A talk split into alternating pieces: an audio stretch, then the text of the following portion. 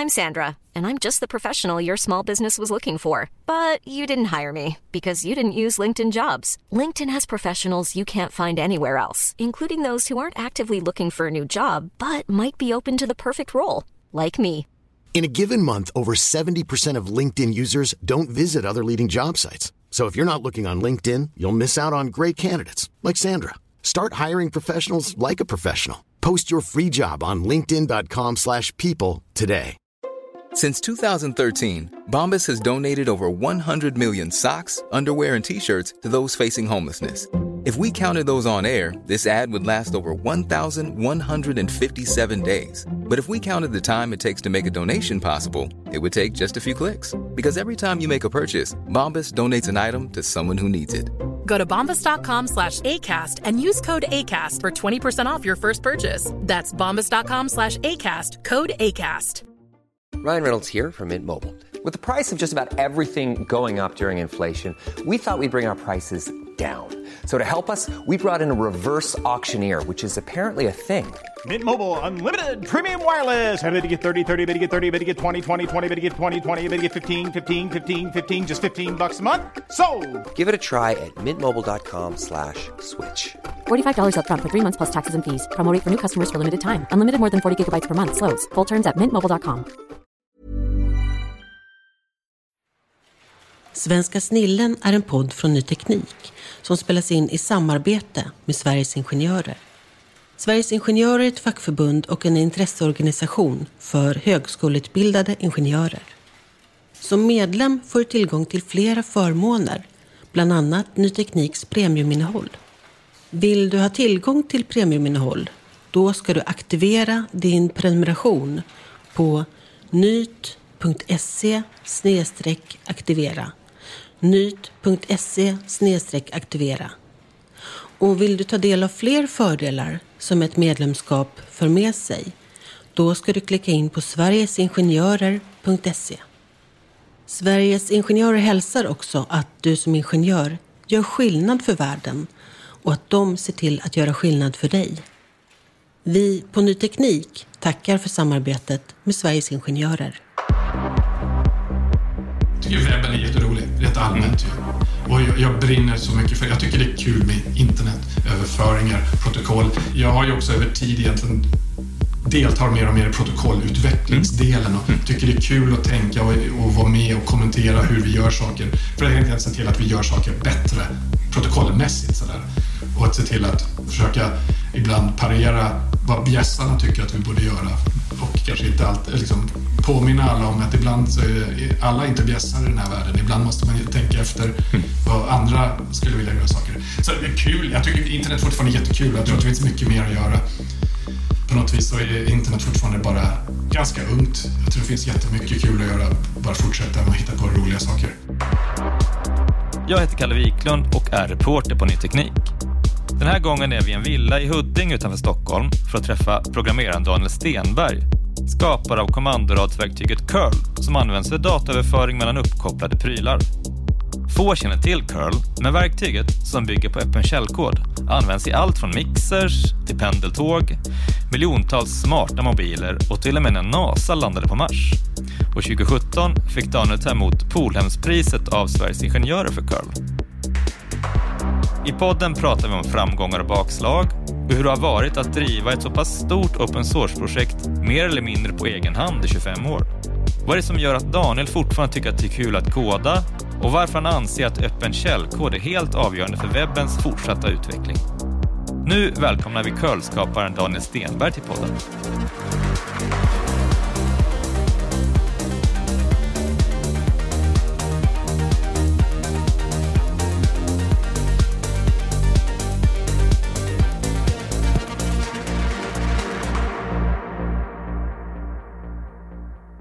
Minns du vad det var från början som gjorde dig intresserad av datorer, som grep tag i dig? Som Jag- fick dig att vilja liksom... Ja, ba- bara det, det här... På något vis, för mig, så kändes det lite grann som så att jag tyckte Lego var jättekul när jag- när jag var liten. Jag var en stor Lego-fantast i, i många år när jag var liten. Och det är på något vis, för mig var det lite grann som en förlängning, bara som en legobitar. Där man, det tar aldrig slut och man kan göra vad man vill. Och man kan, det finns på något vis inga begränsningar. Man kan säga åt datorn att göra vad man vill och den bara gör det. Och man kan liksom kontrollera och styra och göra som man vill. Det, man kan, ja, friheten och liksom känslan av att man kan styra den. Det har jag alltid tyckt var kul, alltid fascinerat mig. Jag, redan då när jag var tonåring, jag tycker fortfarande det är kul. Så på något vis, ja, mer än så vet jag inte. Det är bara, bara roligt. Så jag fastnade tidigt. Vad är det för liksom, miljö som du växte upp i? Jag är uppväxt här i Huddinge då, så jag, eh, det var ett villaområde. Mm. Gott ställt, men eh, mina föräldrar har ju ingen sån här bakgrund. Utan min mamma var ju hemmafru då och min pappa är byggnadsarbetare. Mm. Så de har ju ingen som helst egentligen... Teknisk bakgrund? Ingen teknisk bakgrund så och ingen riktigt så här att de förstod vad det var. Det var jag och min lillebrorsa då som skaffade den här hemdatorn första gången. Jag tror inte de förstod alls vad det var. Mm. De, de trodde nog, och det kanske fanns en liten tanke också, alltså att det var mest spelorienterat då. Mm. För det var kanske det de flesta gjorde då. Man skaffade den där och sen så satt man och spelade spel på eftermiddagarna. Mm. Men, men för, jag tror inte, för mig så var det inte det som lockade. För jag gjorde väl det också mm. till, viss del. Men det var just programmeringen som mm. var det fascinerande som, som drev mig och sen, som jag spenderade så mycket tid på sen i resten av min uppväxt. Mm. Men det var ju många som jag själv och liksom mina kusiner satt med basic sådär. Men vad var det som drev dig att liksom sporra dig och fortsätta Nej, det, var, mer. det var inte mer än, än, bara det var liksom det där att det var så kul och att det hade det där sociala sammanhanget. Så mm. vi skrev de här demosarna. Vi ville göra coolare demos än de andra. Så mm. vi ville vinna nästa demotävling eller göra så bra. Vi ville visa de andra att vi kunde göra coola grejer. Ja. Så vi hittade på saker. Hur kan man göra vektorsträck som snurrar? Kan man mm. göra det här? Det rör sig. Hur många spritar kan man visa på skärmen? Det var det, var det och det, var, det räckte för att det skulle vara intressant. Och för att det så här att det drev oss till nästa steg. Att jag tyckte att det var så kul med utveckling och programmering att jag kände att det här är någonting som jag vill se till att jag kan göra mer av i mm. framtiden, för det är så pass kul. Jag såg på Twitter någon som hade tagit en bild av en gammal datortidning där man slog fast att Horizon var Sveriges bästa demogrupp. Vad tror man, från 88, 89 eller någonting? Ja, det var nog någonting sånt, ja. Precis. Kände liksom efter det? Kände du att du pikade där eller kände du hade liksom mer att ge efter att du var med i... Ja, nej, jag, jag kände verkligen inte att jag pikade där. jag kände att det var, det var jättekul att, yeah. att göra det och jag tyckte att det var en bra tid och, och tyckte nog att, vi, så här, att det var roligt att vi gjorde bra grejer. Men det ja. var, jag, jag tror redan då kändes det mer som en, det var en rolig grej, som en slags startsträcka på något mm. sätt. För det var ju fortfarande bara, det var bara på kul alltihopa. Vad var det det viktigaste du lärde dig? Av att vara med i en demogrupp och den scenen och liksom... Jag vet inte, jag, jag tyckte att det, um, det viktigaste jag tyckte programmeringen var kul redan mm. innan. Men jag tyckte att det var ännu roligare då, för det var också ett socialt sammanhang. Mm. Så då kunde vi liksom sporra oss varandra liksom och träffas. Och, och det var ju verkligen... Bland, bland mina kompisar, det var ju verkligen ren programmering. Det var det vi brann för, det vi ville, gjorde, eh, ville göra. Och hitta nya grejer. Man kunde få 64 att eh, göra andra saker, men det var med kod. Så det var, jag, jag tyckte att det var... Men det var den där kombinationen kod och det sociala där. Att mm. vi hade kompisar som ville samma sak. Som gjorde då att det var ännu roligare att liksom, mm.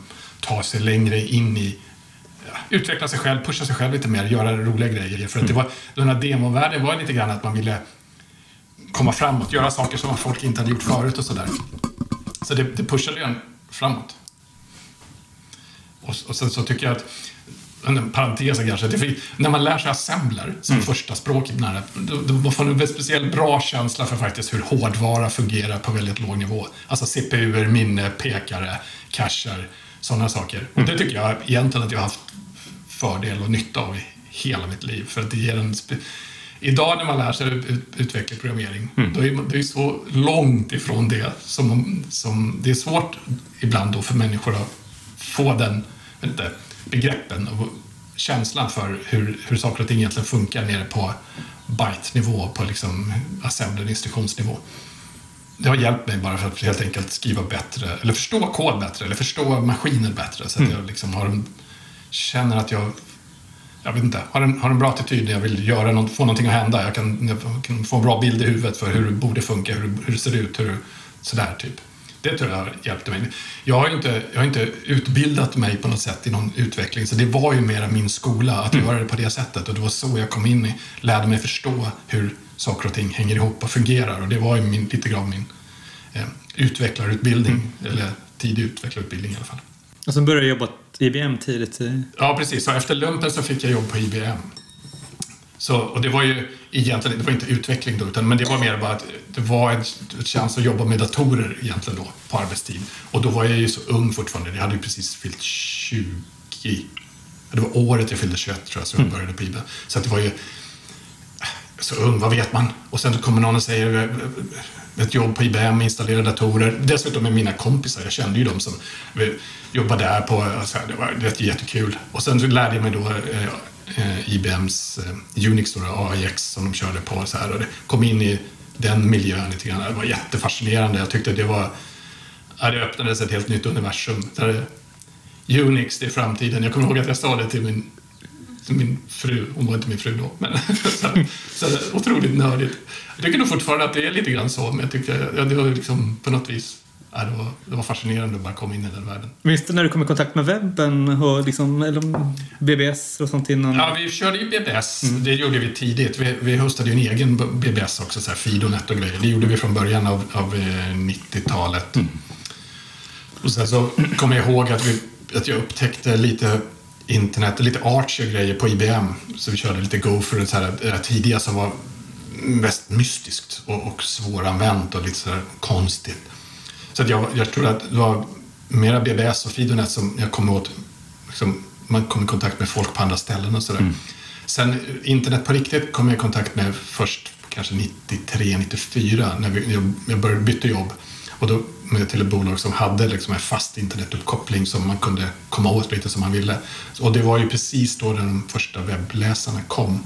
Så då var jag där och provade de här, då körde vi Archie och lite de tidigare grejerna. Och då, också, då upptäckte jag också IRC. Och då, började jag, då var då jag också kom in och skriva min egna bot första gången. Hur skriver man nätverkskod i C under Unix? Så här, jag måste ha en egen bot i IRC-kanalen. Så det var ju typ 94, 95 någonting. Mm. Du skrev den för att lösa det problemet i... Nej, så egentligen så... Eh, på den tiden, IRC är ju, som en, det är ju chattrum mm. och det är ju distribuerat alltihopa. Så det är ju massor med olika servrar som pratar med varandra mm. och sen kopplar man upp och skapar chattrum. Men på den tiden, eller man, man är lite, lite grann ett löst problem idag, men på den tiden så var det, fanns det jättemycket av attacker som alltså bara helt enkelt folk som skrev jag vet inte, som alltid du vet, det finns alltid människor som är jobbiga helt enkelt av någon anledning kommer på att de ska förstöra. Så, man, så det, fanns, det skedde alltid attacker mot alla de här chattrummen. Helt enkelt någon som bara drog igång något värsting typ av attackprogram som på olika sätt då kunde ta över de här chattrummen. Så att jag, satt i, jag, satt, jag började ofta i de här äh, chattrummen, som, jag kom ju från Amiga, så jag satt i de här Amiga-chattrummen. Rätt vad det så kom det några snubbar någonstans och så körde på några bottattacker och sen så var alla utestängda. Alla, så hade någon tagit över den där kanalen. Mm. Helt, vet, så här, lite grann helt onödigt, som en mobbare bara. Ja, ja. Och så satt de här och ockuperade den där kanalen då, kanske ett dygn eller två, tills de mm. tröttnade. Och sen kunde vi komma in igen. Mm.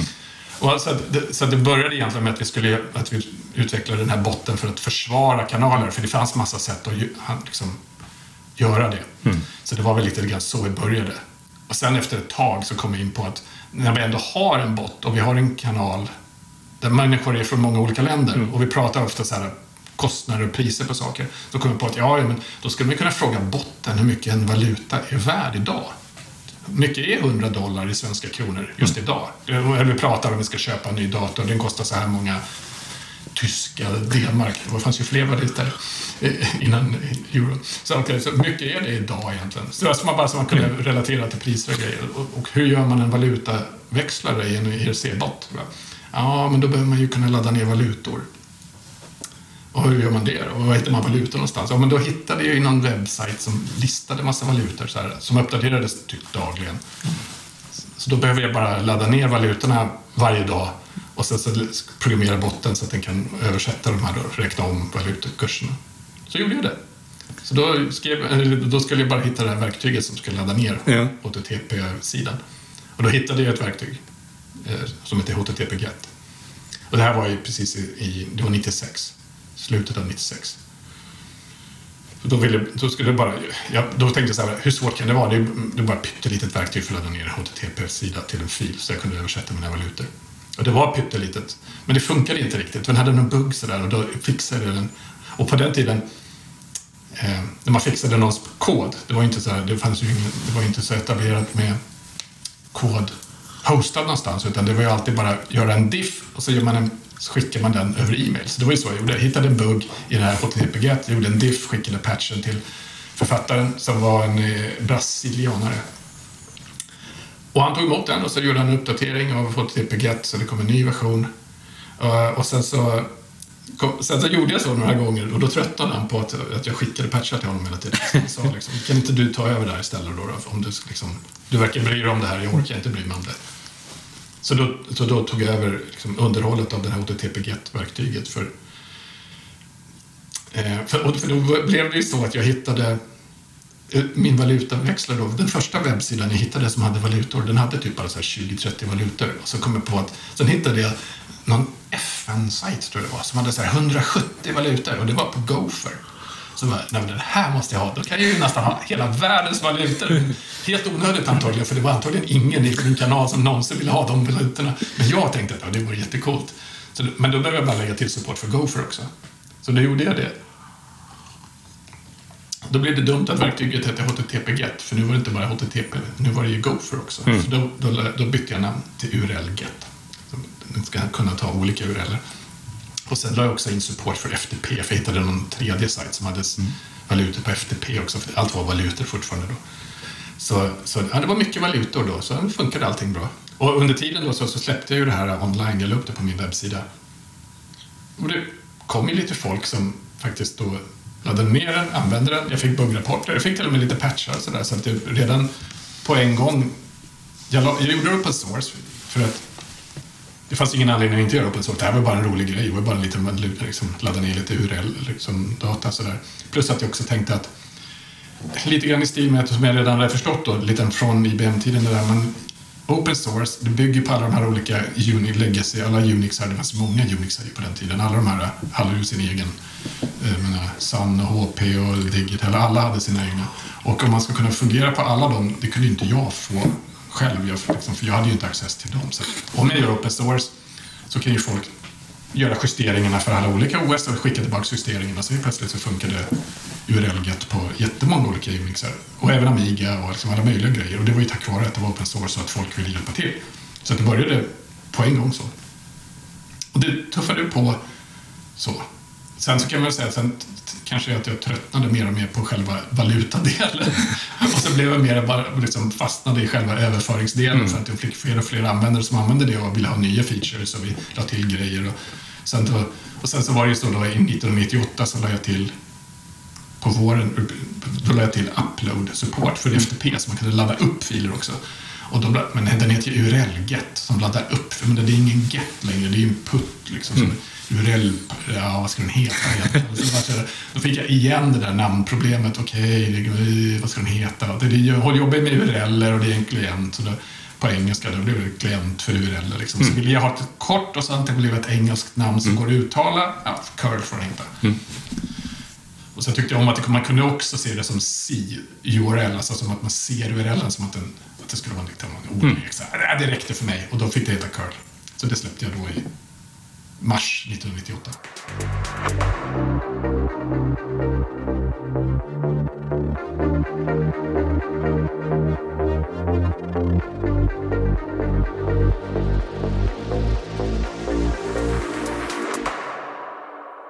Men om man tänker liksom i två lager sådär, hur skulle du beskriva curl för någon som kanske inte kan så mycket om datorer, teknik överhuvudtaget om vi börjar? Jag känner ofta det som problemet med folk har överhuvudtaget med internet och mm. förstå. Det är när man, till exempel när man, när man tittar på en webbsida.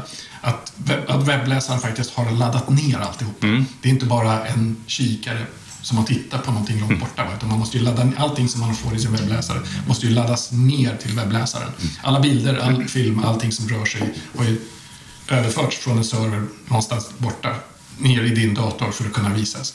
Och det är ju det, är det Curl gör. Den, hjälper Eh, till för att helt enkelt ladda ner eller ladda upp data till datorn eller till en server från datorn. Och det låter ju lite banalt, eller det är väl kanske banalt också. Det är enkelt, men någon måste göra det. Och, och, då gjorde vi curl som, som hjälper till att göra det. Helt enkelt så att användare lätt kan ladda ner saker eller ladda upp saker med enkelt. Från början var det bara ett kommandoradsverktyg. Man skrev curl, en URL, så laddade den ner den. en bild, eller valutakurser, eller en video, eller ljud, eller vad det nu är för någonting. Och så andra hållet också då. Och poängen har ju alltid varit att det ska vara lätt att göra själva överföringen. Curl har ingen aning om vad det är den överför. Den bara överför. Du kan berätta, liksom, ladda ner det här och den laddar ner det. Den vet inte vad innehållet är, för den bryr sig inte om innehållet. Den, bara, själva, den är bara som en ja, överföringsmekanism, som ett sugrör. Eh, Men ur ett mer te- tekniskt perspektiv, hur ser själva processen ut? Liksom, det som händer i... Tekniskt, det, det är ju då... Alltså, det, det, det är som en... Det är, bara- det är ju ett lager av internetprotokoll ju, som allihopa samarbetar. Så att det, man får ett hostnamn, man måste slå upp det, en DNS, få tillbaka en IP-adress, man måste koppla upp en IP eller TCP-koppel. Man måste sätta upp en TLS-handskakning och man måste prata HTTP, eller eh, då som HTTPS, och, och be om olika saker som man då pratar om de här protokollen. Och... eh, då, då då är det ju olika beroende på hur de olika protokollen fungerar, de olika protokollversionerna fungerar. Och sen är det ju ganska mycket så här att det är en sak att implementera hur allting fungerar enligt en spes, men sen i verkligheten så är, är det alltid lite annorlunda än spesen. Alla har sina egna sätt att tolka spesen och över tid så måste man komma överens om hur man egentligen ska tolka spesen. Så man måste, det tar lite tid innan allting verkligen fungerar på riktigt. Man måste på något vis utsätta sig för verkligheten och slipa ner alla hörn så att det blir bra. Så att med, med tid så börjar det fungera, men det krävs att man provar mycket och man, man, måste finnas, man måste köra i verkligheten ett tag för att veta att det funkar i verkligheten. Och 25 år nu i... Och nu är ni 25 år, Ja. precis. Så nu har det kört i verkligheten. Vilka har varit de största milstolparna, skulle säga? Ja. För curl, för dig? så här, det, det finns, egentligen är det inte så många milstolpar tror jag. För, för min del så ehm, har det mesta bara varit en slags gradvis ökning av alltihopa som inte har varit så lätt egentligen att sätta. Det har inte varit så tydliga trappsteg.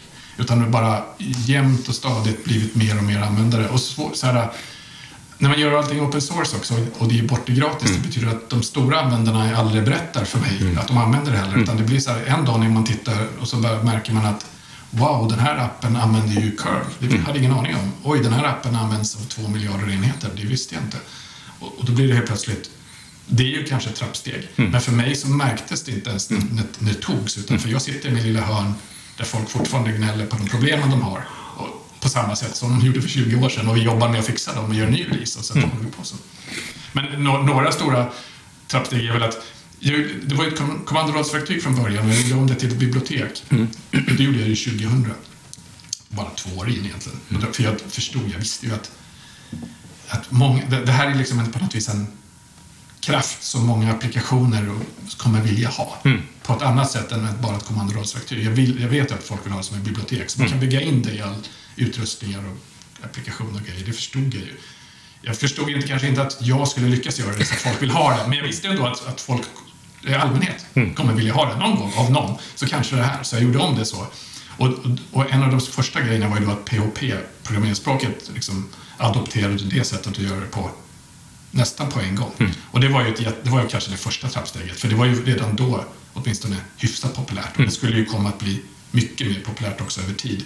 Så det gjorde ju att den växte ganska bra i användning utan att jag gjorde någonting. Det bara kom med i PHP, så alla som använder PHP egentligen använder curl också liksom under ytan.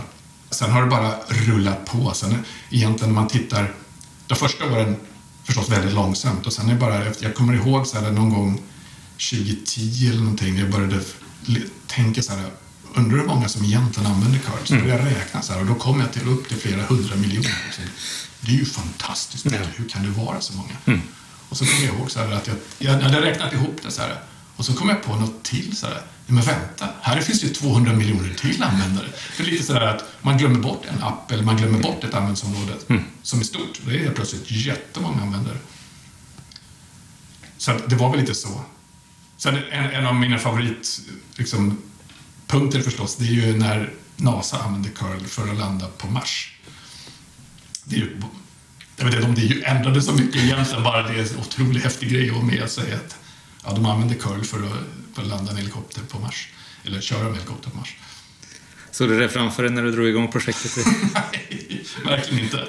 Nej, som sagt, min, min, mina, min framförhållning har alltid varit väldigt kort och jag gjorde den ju bara för att jag skulle ha valutakurser från början. Jag har heller aldrig liksom egentligen siktat speciellt högt. Jag har alltid på något vis försökt att hålla blicken ganska nära, inför- för, liksom, inte så långt i framtiden, utan fixa det som ligger närmst och liksom se till att styra hela tiden mot där jag är nu. Jag, jag har inga, lång, lång, inga långsiktiga mål, jag styr inte långt framåt. Jag försöker inte förutse hur saker är om 5-10 år, för det, det kan inte jag.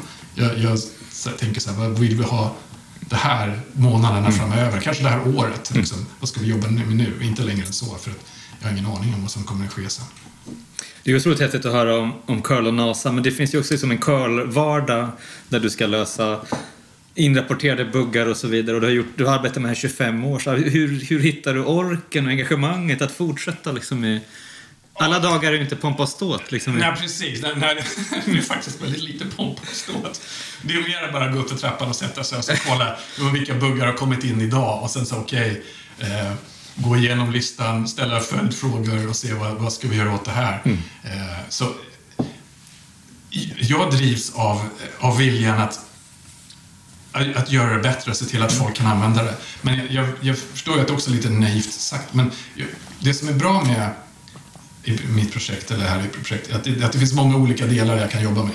Jag kan jobba med viktiga delar, jag kan jobba med lite mera tramsiga delar och, och det blir roligt att byta om och jag kan göra olika saker. Så jag behöver inte jobba med dödsviktiga buggar varje dag. Jag kan sitta en annan dag och eh, putsa på, bara skriva en bloggpost om det. Eller jag kan sitta och fundera på hur en ny kommandorad-switch för någonting lite mindre intressant egentligen ska fungera. En helt an, ett hörn av projektet. Så jag kan gå tillbaka till det tråkiga hörnet. Eller tråkigt, men ibland känns det ju lite motigt kanske när man har jobbiga saker. Men så jag, jag tycker att jag kan få det roligt helt enkelt bara genom att variera vad jag gör inom projektet. Annars så är det så, jag drivs jättemycket bara av nu är det så extremt många användare, så många som vill användare och jag det tycker jag är drivfaktor i sig. Bara se till att det fungerar, se till att alla är nöjda. Och, att, och så här... Eh, lite grann vara med när saker och ting inträffar. Så här, Okej, nu kommer en nytt protokoll, nu kommer en ny HTTP-version. Ja, men då vill jag att curl ska vara tidigt, supporta den versionen. Inte bara för att det är kul att vara med, men också för att genom att vara tidigt så kan jag tillhandahålla ett verktyg som alla andra sen kan använda när de ska implementera sina servrar som ska prata HTTP3. Då har de ett verktyg som redan kan det. Så jag tycker om att vara med lite grann på den blödande kanten och göra grejer. Och så tycker jag om att vara med i det sammanhanget. Jag har jättemycket, liksom, stort community även då inom bara så här HTTP-utvecklare, HTTP-protokollgänget också. Det tycker jag är ett jättekul sammanhang att vara i. Så jag tycker bara det, det är bara roligt alltihopa. Internetöverföringar, protokoll, utveckling, allt det är roligt. Så på något vis, nej, jag, jag har inte tröttnat än. Hur många är det som jobbar idag med curl? i- Det är ju, en, det är ju jättesvårt att svara på, för det är ju verkligen som en slags... Det finns ju inte en inne och en ute heller, så att man är ju inte är med i gänget eller utanför gänget, utan det är ju en gradvis skala. Hur mycket är folk med? Jag, är den, jag är normalt den enda som jobbar heltid med curl. Just nu, eh, precis nu, 2023, så har jag engagerat en annan kille som också jobbar heltid. För att vi lyckats få liksom, sponsring så att jag kan hyra in honom på heltid. Så nu är vi två som är heltid. Och, så här, men jag, och sen så har vi väl ett gäng människor, kanske 10, uppåt 20 människor som har varit med i projektet och är med till och från ganska ofta. Åtminstone kanske så här dyker upp en gång i veckan och har varit det in, under många år. Men sen så är det ju en fallande skala. Folk som bara dyker upp varje månad och sen så är det folk som typ bara gjort saker en gång. Men det, så det är jättesvårt att säga hur många vi är. På ett år, jag, tror, jag brukar räkna så här, hur många har gjort mer än 10 förändringar i koden Ja. under ett kalenderår? Och det brukar vara ungefär 15 personer. Så att, och det är mer än 10 förändringar. Så jag vet inte vad det säger egentligen. Det är bara en konstig siffra. Men så det finns en massa människor som dyker upp hela tiden. Det roliga är ju att eftersom det är open source och alla de här bidrar helt frivilligt så kan jag kan ju inte räkna med att de finns där. Utan det är ju på deras villkor på något vis. De kan dyka upp och hjälpa till. Eller så kanske de inte gör det. Jag vet inte riktigt. Det är, det är sådär... Eh, det, det gör att man har en lite rolig attityd till alla andra människor. För jag kan aldrig riktigt veta när de kommer att göra någonting eller inte. Jag kan inte, jag kan inte så här, lägga ut ett jobb och bara tro att de kommer färdiga på torsdag, för det har de sagt. De kanske fick något annat att göra, eller åkte på semester, eller bara tröttnade, eller någonting. Så man vet aldrig riktigt. Det finns inga mellanchefer curl? eh, Nej, det finns inte. Och det. Egentligen det enda jag bara riktigt kan veta någonting om, det är mig själv då. Alltså, jag kan ju, och det är också svårt ibland, för ibland så är det här, nu jobbar jag ju så att jag säljer ju support till Mm. företag och det är så jag tjänar, det är så jag jobbar fulltid på Curl. Det betyder ju också att jag måste se till att mina kunder är nöjda. Mm. Det vill säga att om mina kunder har problem så har ju de kanske nummer ett. Det är liksom prioritet. Så det är klart att om mina kunder får jättemycket problem helt plötsligt så måste jag ju lägga andra saker och ting åt sidan. Då kan jag inte göra så mycket annan community support Mm. eller tvärtom. Och så det, ja, det är, men eh, det är inte så många chefer, nej. Det är, det är ungefär... Man gör lite som man vill i Curl-projektet. Bara alla är nöjda så är det bra. Vi behöver inte gå in på det speciellt djupt, men hur, liksom, hur finansieras Curly? Ja, det, är ju, det, det, det finns många sidor på det. Men man kan säga så här. Jag brukar alltid försöka göra en poäng med att säga att curl är inte jag och jag är inte curl. Och, och så jobbar jag för ett tag, företag som är liksom det tredje benet här. Och det är det amerikanska bolaget Wolf SSL. Och vi säljer curl support till företag. Så att de köper support av Wolf SSL. Wolf SSL anställer mig. Så jag jobbar på heltid på Wolf SSL för de här företagen med curl support. Det är så jag får mat på bordet. Men, men det är inte hela sanningen då. Det är så jag jobbar, det är så jag som får betalt för min arbetstid. Men sen så har vi också en del sponsorer av själva Curl-projektet. Som, vi har en, en hel del företag som betalar infrastruktur och grejer. Så att vi har väldigt lite utgifter för att vi har ofta något företag som täcker mycket utgifter och kostnader. Och så har vi några som också donerar mer eller mindre rena pengar. Så vi har också en liten fond som vi kan använda för att spendera på saker och ting. Så vi kan hyra in en människa en viss tid för att göra saker. Eller vi, vill vi köpa klistermärken för att dela ut till folk så kan vi också göra det och sådana saker. Så det är flera olika ben som vi har kan man säga. Och vad tror du driver dem att, att skänka, donera, vilja göra det? Det är ju... Det är ju ja, jag tror att många av efter, de flesta av de här, de skänker små belopp. Mm. Så att det är mera bara en goodwill för dem. Jag vill synas kanske Mm. säga att de gör något bra för körprojektet. Men ingen av dem, det är få som, som ger stora pengar. Mm. De flesta här är bara små belopp. Så det är mer bara, ja de slänger in. Men det, det är okej också, om man har många som ger små belopp så blir det ju ändå Mm. någonting i slutändan. Det som betalar mest är ju det, här supportkontraktet som jag gör för stora kommersiella kunder. Det är det som jag, som jag kan jobba med heltid och det är, det är det, liksom, de riktiga pengarna i det här.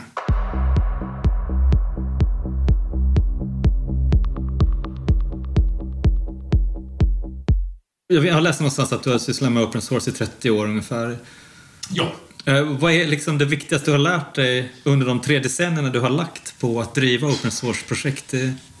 Ja, det, vad är, det är svårt att säga vad det viktigaste är. Jag tycker kanske det, eh, det som återkommande i alla fall, det är att, att det är så mycket, handlar så mycket om människor i open source. Att det är så väldigt lite kod i slutändan. Eller att är- koden, det måste finnas där på något Det är en slags grund för open source, för det är själva sourcen i det hela. Liksom, det blir en produkt eller en tjänst av det. Men att det är sen så mycket människor involverat.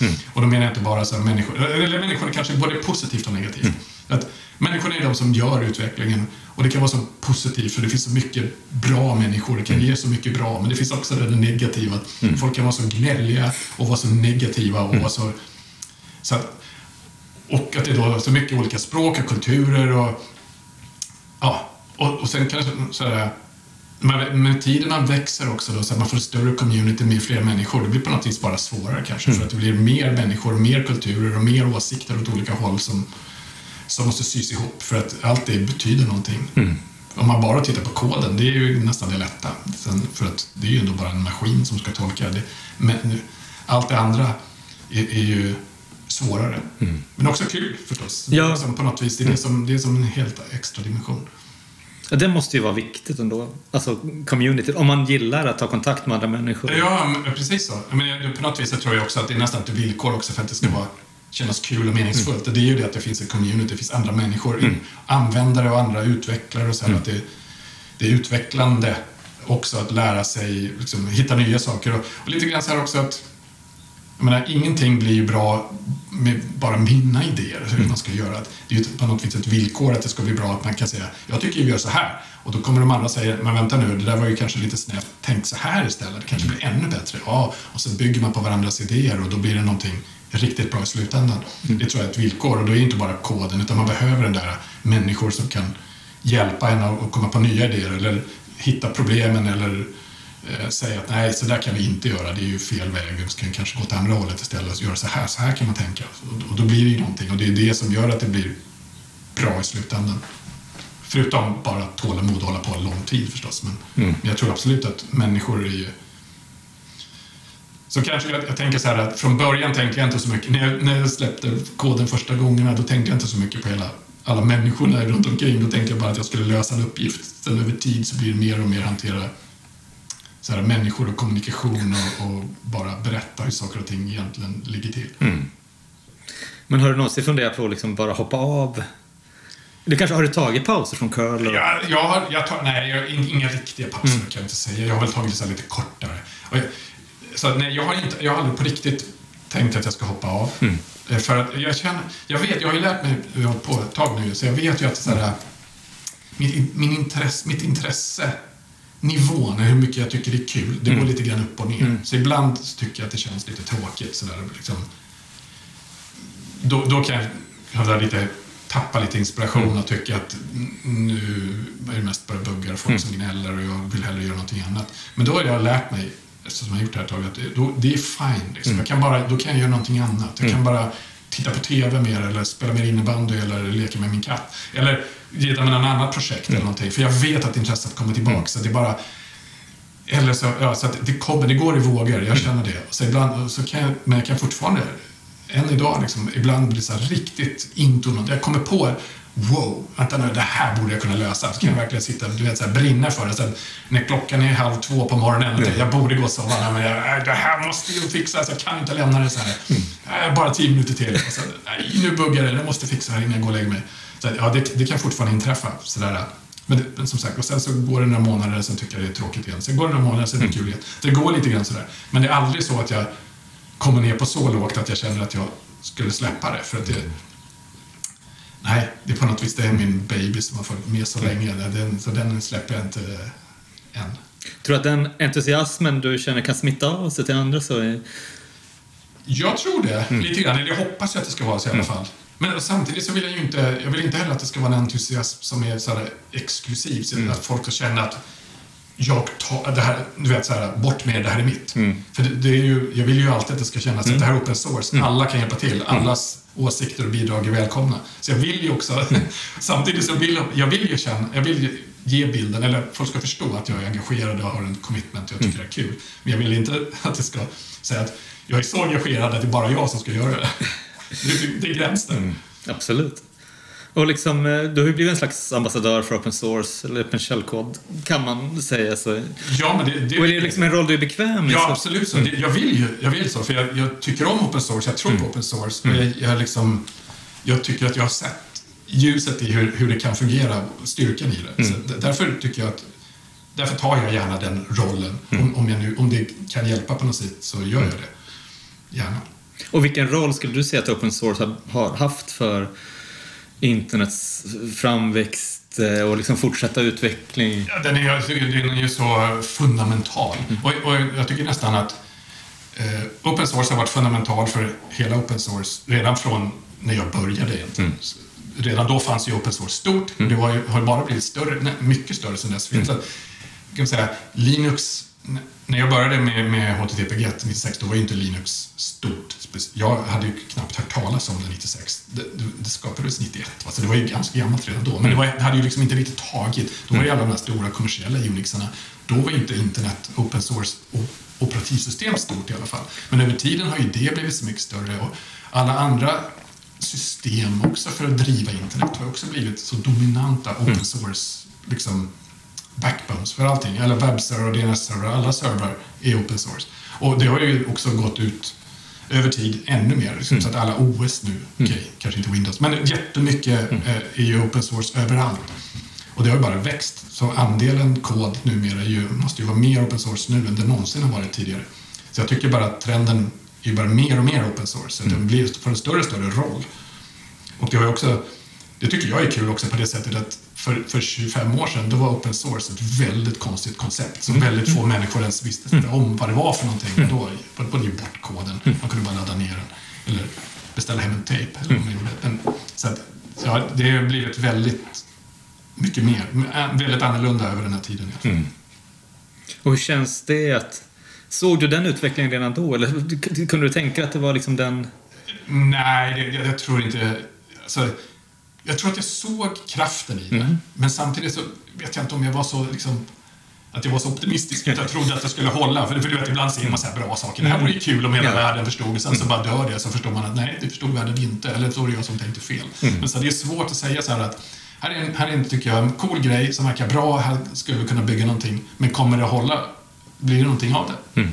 Jag vet inte, jag har ingen aning. Så jag har, jag har egentligen aldrig försökt sia det, om, om det. Så när jag lärde mig open source, eller såg det första gången, så tyckte jag att det var ett jättecoolt koncept. Jag vill också göra open source, jag tyckte att det var jättehäftigt, men jag hade ingen aning om vart det skulle ta vägen.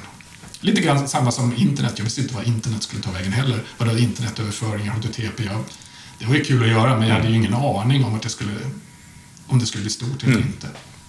Det visade sig sen också, bara, som också en parallell, att HTTP som jag ställde mig in på från början har ju liksom blivit ett så otroligt dominant protokoll. Så liksom allting är på HTTP idag. Vilket också bara var som en slags slump, eller jag hade ingen aning, det bara blev så.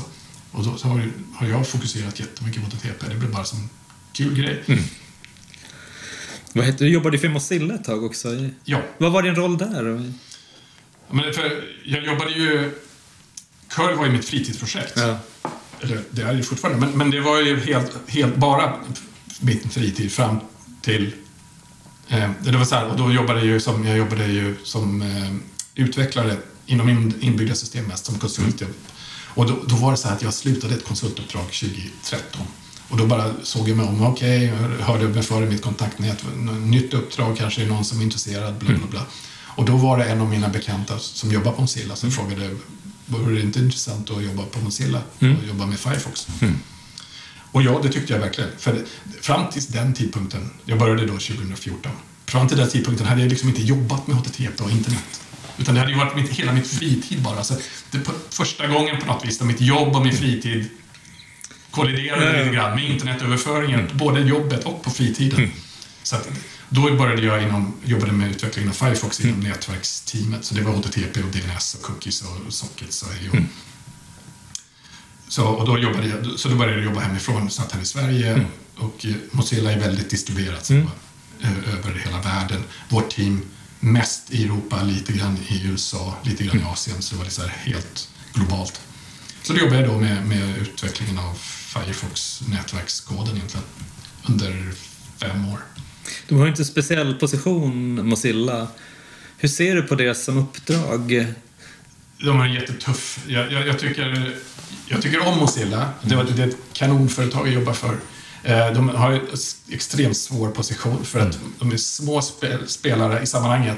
Och sen så, eh, så måste de också luta sig helt och hållet på pengar från sina egna konkurrenter. Som det, först, det, det de vill göra allra mest är lura bort användarna direkt till... Så att, eh, det är jättesvårt. Eh, Jag, jag har alltid, mitt, mitt hjärta ligger kvar på Mozilla. Jag kör fortfarande Firefox och så, men de har en tuff situation. Jag hoppas ju att de klarar av att behålla sin roll, för jag tycker att jag, är det någonting jag inte gillar vart allt, hela så här, webben och alltihopa går, det är monokulturen när alltihopa ska heta Chrome. För det, det tror jag kommer att vara jättedåligt. Den, den dagen, om det nu händer, att Mozilla går under och det inte finns någon mer Firefox, det tror jag kommer att vara jättedåligt för webben som helhet. Så jag hoppas att, vi kan, att det ligger långt borta. Ja, För, för många slutanvändare, de ser ju som en Chrome bara en, en webbläsare som fungerar i, i alla lägen. Så. Men, men äh, mm, ur ditt perspektiv som utvecklare och liksom du jobbar med open source, och varför är monokultur Ja, men på samma sätt som, vi, som tidigare var det så många, folk gnällde alltid på Internet Explorer back in the day. För att då hade den lite grann av en monokultur för att det var så dominant så att folk gjorde bara saker anpassade efter den webbläsaren. Och det gör att den webbläsaren får en alldeles för stor roll för att de, det betyder att de sen slutar bry sig om omvärlden för de kan göra som de själva vill och, och så måste alla anpassa sig efter dem och det gör att på något vis det blir som en slags dålig cirkel. Eller att, och då betyder det att alla webbsajter helt plötsligt görs för den webbläsaren och tvärtom. Eh, och det leder i sin tur att ännu fler använder den webbläsaren för att alla andra webbläsare kommer att sluta fungera så bra. Och det, och, okej, då kan man ju tycka att det kan ju vara bra på kort sikt, när allting bara funkar. Men det har man ju sett att när en, en aktör blir för dominant. Det blir inte bra för att då hittar de på saker som är bra för sig sen och inte kanske alls är så bra för resten av webben, för protokoll och hur man borde göra saker. Det är dåligt för innovation och för när man hittar på nyheter sen, wow, vi borde göra om, vi borde göra grejer på det här sättet. Då kanske de tycker det är jättedåligt, för det är inte bra för deras, eh, eh, vad det är någon, de tjänar pengar på. Och då kommer de inte driva det. Då är det svårt att införa nyheter driva nya, hitta på nya kul saker på internet. Nya protokoll, nya sätt att göra saker. Och jag tror att vi fortfarande måste, det finns, jag tror att vi kommer att hitta på nya sätt att göra saker lång tid framöver. Om vi bara liksom har den möjligheten fortfarande att hitta på nya saker och kunna driva igenom nya saker. Då behövs det lite fler spelare som kan säga, kan prova saker. Vad tycker du är roligast, mest intressant med webben idag? Så är... Jag tycker, jag tycker att det, jag tycker webben är jätterolig, rent allmänt ju. Och jag, jag brinner så mycket för Jag tycker det är kul med, jag tycker som sagt fortfarande det är kul med internetöverföringar, protokoll. Jag tycker fortfarande det är kul. Jag, jag har ju också över tid egentligen så här, deltar mer och mer i protokollutvecklingsdelen och tycker det är kul att tänka och, och vara med och kommentera hur vi gör saker. För att enkelt se till att vi gör saker bättre protokollmässigt sådär. Och att se till att ibland parera vad bjässarna tycker att vi borde göra och kanske inte alltid liksom påminna alla om att ibland så är alla inte bjässar i den här världen. Ibland måste man ju tänka efter vad andra skulle vilja göra saker. Så det är kul. Jag tycker internet fortfarande är jättekul. Jag tror att det finns mycket mer att göra. På något vis så är internet fortfarande bara ganska ungt. Jag tror det finns jättemycket. Så jag tycker det finns mycket kul att göra. Bara fortsätta med att hitta på roliga saker. Och curl kommer ständigt att fortsätta utvecklas i takt med... Ja, det tror jag. Jag hoppas det. Jag tycker det finns inget tecken hittills på att det skulle gå långsammare eller sluta eller förändras någonting. Faktum är att nästan alla mått man kan mäta med utveckling i curl, det, säger, det går, lutar liksom uppåt. Det är mer utveckling nu tror jag än nästan någonsin tidigare. Så mer kod, mer utveckling, mer... kanske, jag vet inte om det är mer buggar, men är liksom det, så det händer saker hela tiden. Kanske också för att det blir mer kod, det blir mer möjligheter att lägga till mer funktioner, mer saker. Så, att jag, så nej, det, det finns inget slut i sikte, det finns ingen nedtrappning i sikte, utan bara mer och mer och mer av allt. Hur stor är kodbasen idag? Om man inte räknar tomma rader så tror jag vi närmar oss 160 000 rader kod. C-kod. Det är en hel del att underhålla i. Det är en hel del. Det är det verkligen. Nu, nu är det så här också att vi supportar jättemånga olika varianter av, av olika saker. Så till exempel jättemånga olika TLS-bibliotek. Oftast bygger man bara med ett.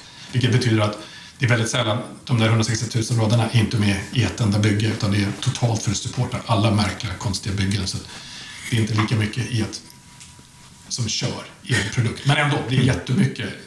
Så att ja, det, det finns mycket att testa, det finns mycket att och, eh, utveckla, mycket att pilla i.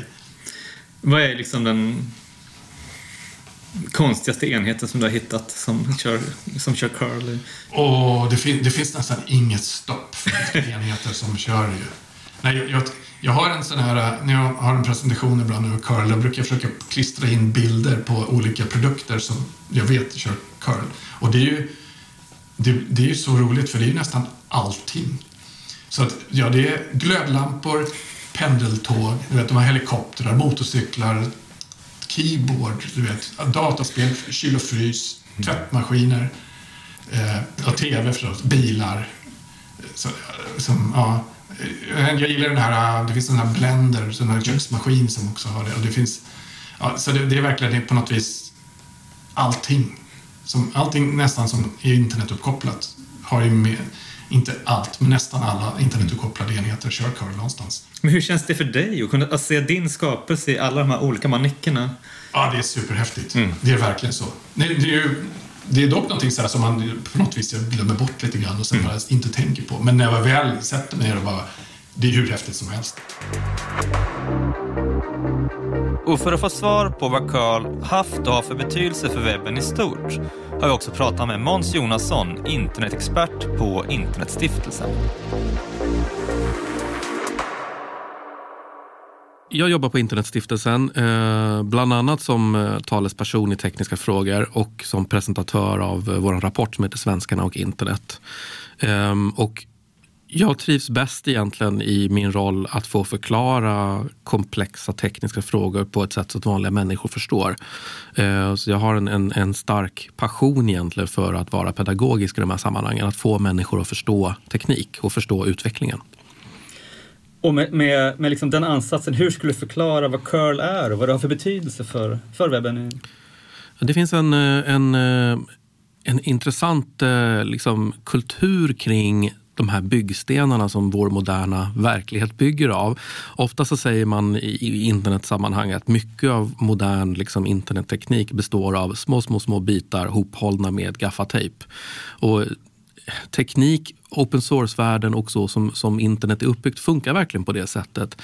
Många projekt som tillsammans bygger upp den här ganska intrikata väven av mjukvara som utgör webben och utgör internet. Och curl är ju, har ju blivit en, en verkligen en doldis men en verkligen viktig del i hur all mjukvara fungerar. Så curl från början skulle ju lösa en väldigt, väldigt enkel uppgift. Hur hämtar jag någonting från webben automatiskt? Alltså det som en webbläsare gör är att jag kan knappa in en URL och titta på en webbsida eller klicka på en länk och titta på en webbsida. Om jag inte vill göra det utan istället vill skriva ett program som ska hämta till exempel väderdata från en väderwebbplats. Behöver man då ha en hel webbläsare och liksom programmera den att göra det? Nej, men det går nog att göra ett litet program istället som gör det här. Och det började ju för länge, länge sedan med, det fanns flera och det finns fortfarande flera alternativ till curl att göra just detta. Hämta den här filen över webben och spara den någonstans på min dator. Men, men det som gjorde curl tror jag så populärt var att den väldigt snabbt fick stöd för många olika tekniker. Så den blev lite av en schweizisk armékniv för, för att hämta saker över nätet och är det än idag. Så det är som ett verktyg som är relevant än idag, 25 år efter skapelsen?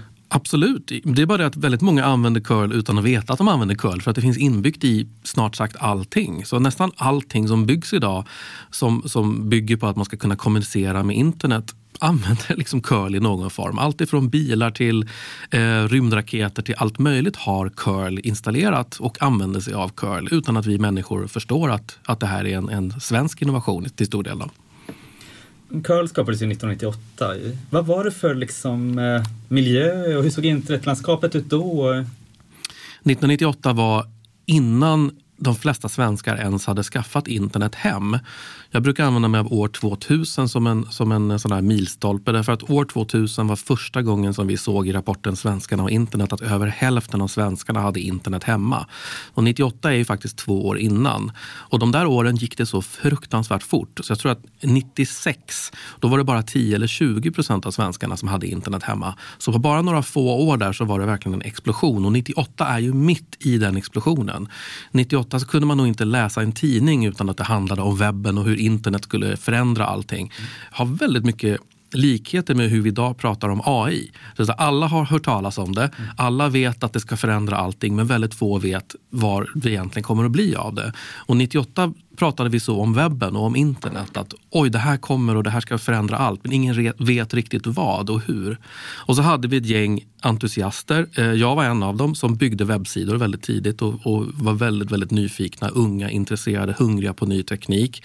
Och som verkligen såg möjligheterna med att kunna bygga helt nya saker på, på webben. Långt innan det fanns en marknad för det egentligen. Och liksom, finns det en, en orsak till att, att curl kom till just då, i den eran? I Alltså behovet att, att kunna hämta saker automatiserat dök upp ganska tidigt. Jag tror att, om jag minns rätt, att Daniel blev intresserad av det för att han behövde något sätt att hämta börsdata kanske. Alltså han behövde ett sätt att via ett program hämta börsdata kanske en gång i timmen eller en gång per dygn eller något sånt där. Och istället för att själv sitta och klicka i en webbläsare en gång i timmen så ville han bygga ett program som gjorde det automatiskt. Och då behövdes det ett program som kunde göra det automatiserat och då hittade han ett program som heter HTTP GET tror jag, som senare blev curl. Um, och precis så såg det väldigt mycket ut på den tiden att, att den mjukvara som fanns var ofta ganska snabbt hopkodad av en person. Eh, för det, nästan allt var nytt på den här tiden. Och fanns det inget verktyg så uppfann man verktyget och så gjorde det en sak väldigt enkelt, väldigt snabbt. Och många av de här verktygen har ju sen försvunnit eller dött eller glömt bort eller kanske inte behövs längre. Medan curl då under alla de här åren har fått nya funktioner och byggts vidare och byggts på tills det är det liksom fantastiska multifacetterade monster till verktyg det är idag. Fanns det någonting i den svenska miljön eller liksom IT-miljön i Stockholm som gjorde att, som kan vara en förklaring till att curl kom fram just här? Jag tror att eh, en, en, en viktig anledning till att, eh, att det blev just Daniel som gjorde just curl och som är en viktig anledning till att Sverige har en sån framskjuten position i IT-sammanhang. Mm. Det är den stora eh, hacker och kodar och demokulturen som föddes med Commodore 64 här i Sverige. Som verkligen har det visat sig att väldigt många av de personer som idag är prominenta personer i internetsammanhang har sin bakgrund i att ha börjat med att eh, koda demos för Commodore 64 på 80-talet. Daniel är ju en av dem. Eh, så av någon anledning så tror jag att vi kanske hade precis rätt blandning av ett, ett ingenjörsfolk, alltså en, ett folk som redan hade, vi hade Ericsson, vi hade Televerket och andra stora företag som, som satsade på innovation och ingenjörskonst. Och så hade vi råd att skaffa datorer till våra barn. Och i väldigt många svenska hem så kom ju hemdatorn att bli det som blev passionen och möjligheten för många. Daniel pratar ju ofta och gärna om som betydelsen av öppen källkod och open source. Och i Alltså, hur, hur viktiga har open source och liksom öppna standarder varit för, för framväxten av, den, av webben som vi känner den idag? Jag, jag, tror inte att det går att Jag kan inte tänka mig en webb eh, och ett internet utan öppen källkod. Det var helt avgörande för att det skulle kunna växa så snabbt. Att man på alla webbsidor, i vilken webbläsare som helst, kunde visa källkoden. Så oavsett vilken hemsida man gick in på, blev man nyfiken på hur den var gjord så var det bara att titta på koden. Och det var så vi alla lärde oss HTML som behövdes för att kunna programmera webbsidor. Det var genom att titta på vad andra gjorde och direkt börja kopiera och innovera och förändra koden. Om man tänker sig att vi hade byggt Eh, någon försökt bygga webben på sluten källkod, då hade det varit bara några få som kunde programmera och du hade aldrig fått den explosiva utvecklingen som du fick. Där alla som ville kunde bygga webbsidor och börja sprida information och kunskap på det sättet. Så öppen källkod är liksom själva essensen i varför internet har fungerat så bra som det har fungerat. Att, att information och kunskap kan spridas blixtsnabbt har varit förutsättningen för att vi har, har det internet vi har idag. Är det relevant framåt? Absolut är det relevant framåt. Jag tror att utan öppen källkod så kommer vi få en stagnation där vi kommer att se att den som har råd att, att köpa eh, rätt utvecklare, råd att köpa rätt kunskap kan, kan låsa in den till sina funktioner. Vi kommer få det jättesvårt för någon annan att, att skapa nya innovationer och skapa nya kopior på andra eh, verktyg som funkar väldigt bra. Så att open source tror jag har en, en, liksom går nästan inte att, att överskatta betydelsen. Den är extremt viktig för innovationen inom internet. Jag kom ju liksom in i svenska internet-community i mitten av 00-talet där man pratade mycket om öppna webben. Det fanns liksom en stark ideologisk övertygelse hos många. Det ser inte riktigt ut så idag sådär. Skulle man behöva prata mer om den öppna webben idag, tycker du? Ja, ja, ja det är en bra fråga. Jag tycker att eh, det som jag saknar med 90-talet och det tidiga 00-talet, det är den här nybyggarandan och den här andan av att vilja skapa kunskap för att dela med sig. Idag så, jag märker på unga som startar företag idag eller som startar liksom nya, de, de tänker ju direkt på hur de ska kunna tjäna pengar. Det liksom finns med i grundstenen. Hur ska jag kunna bli entreprenör? Hur ska jag bli miljonär på det här?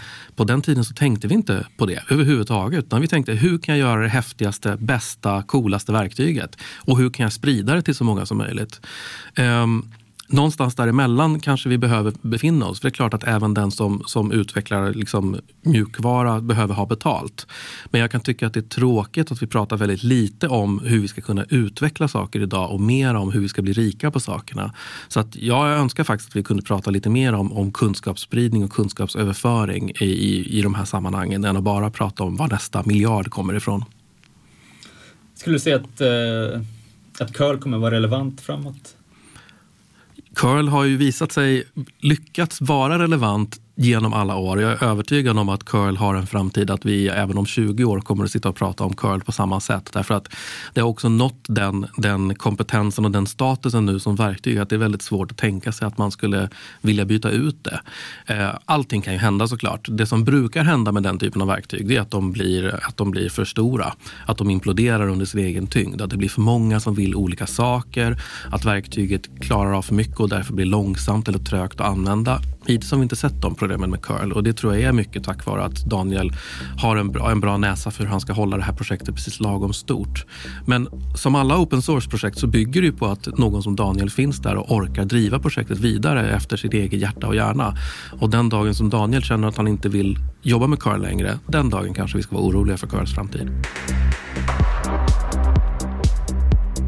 Stort tack till Daniel Stenberg och Måns Jonasson och stort tack till dig som har lyssnat på det här avsnittet av Svenska snillen med mig, Kalle Wiklund.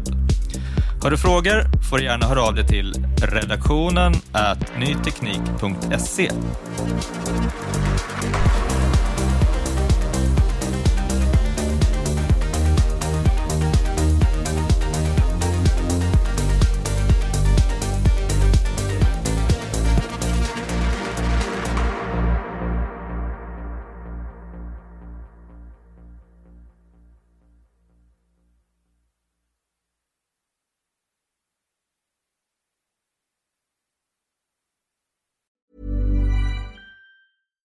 When you make decisions for your company, you look for the no-brainers. And if you have a lot of mailing to do, stamps.com is the ultimate no-brainer. It streamlines your processes to make your business more efficient, which makes you less busy. Mail checks, invoices, legal documents, and everything you need to keep your business running with stamps.com. Seamlessly connect with every major marketplace and shopping cart. Schedule package pickups and see your cheapest and fastest shipping options from different carriers. With rates up to 89% off USPS and UPS rates. And with the Stamps.com mobile app, you can take care of mailing and shipping wherever you are. Make the same no-brainer decision as over 1 million other businesses with Stamps.com. Sign up with Code PROGRAM for a four-week trial, plus free postage and a free digital scale. No long-term commitments or contracts. That's stamps.com. Code program. When you need mealtime inspiration, it's worth shopping Kroger, where you'll find over 30,000 mouthwatering choices that excite your inner foodie. And no matter what tasty choice you make, you'll enjoy our everyday low prices, plus extra ways to save, like digital coupons worth over $600 each week. You can also save up to $1 off per gallon at the pump with fuel points. More savings and more inspiring flavors make shopping Kroger worth it every time. Kroger, fresh for everyone. Fuel restrictions apply.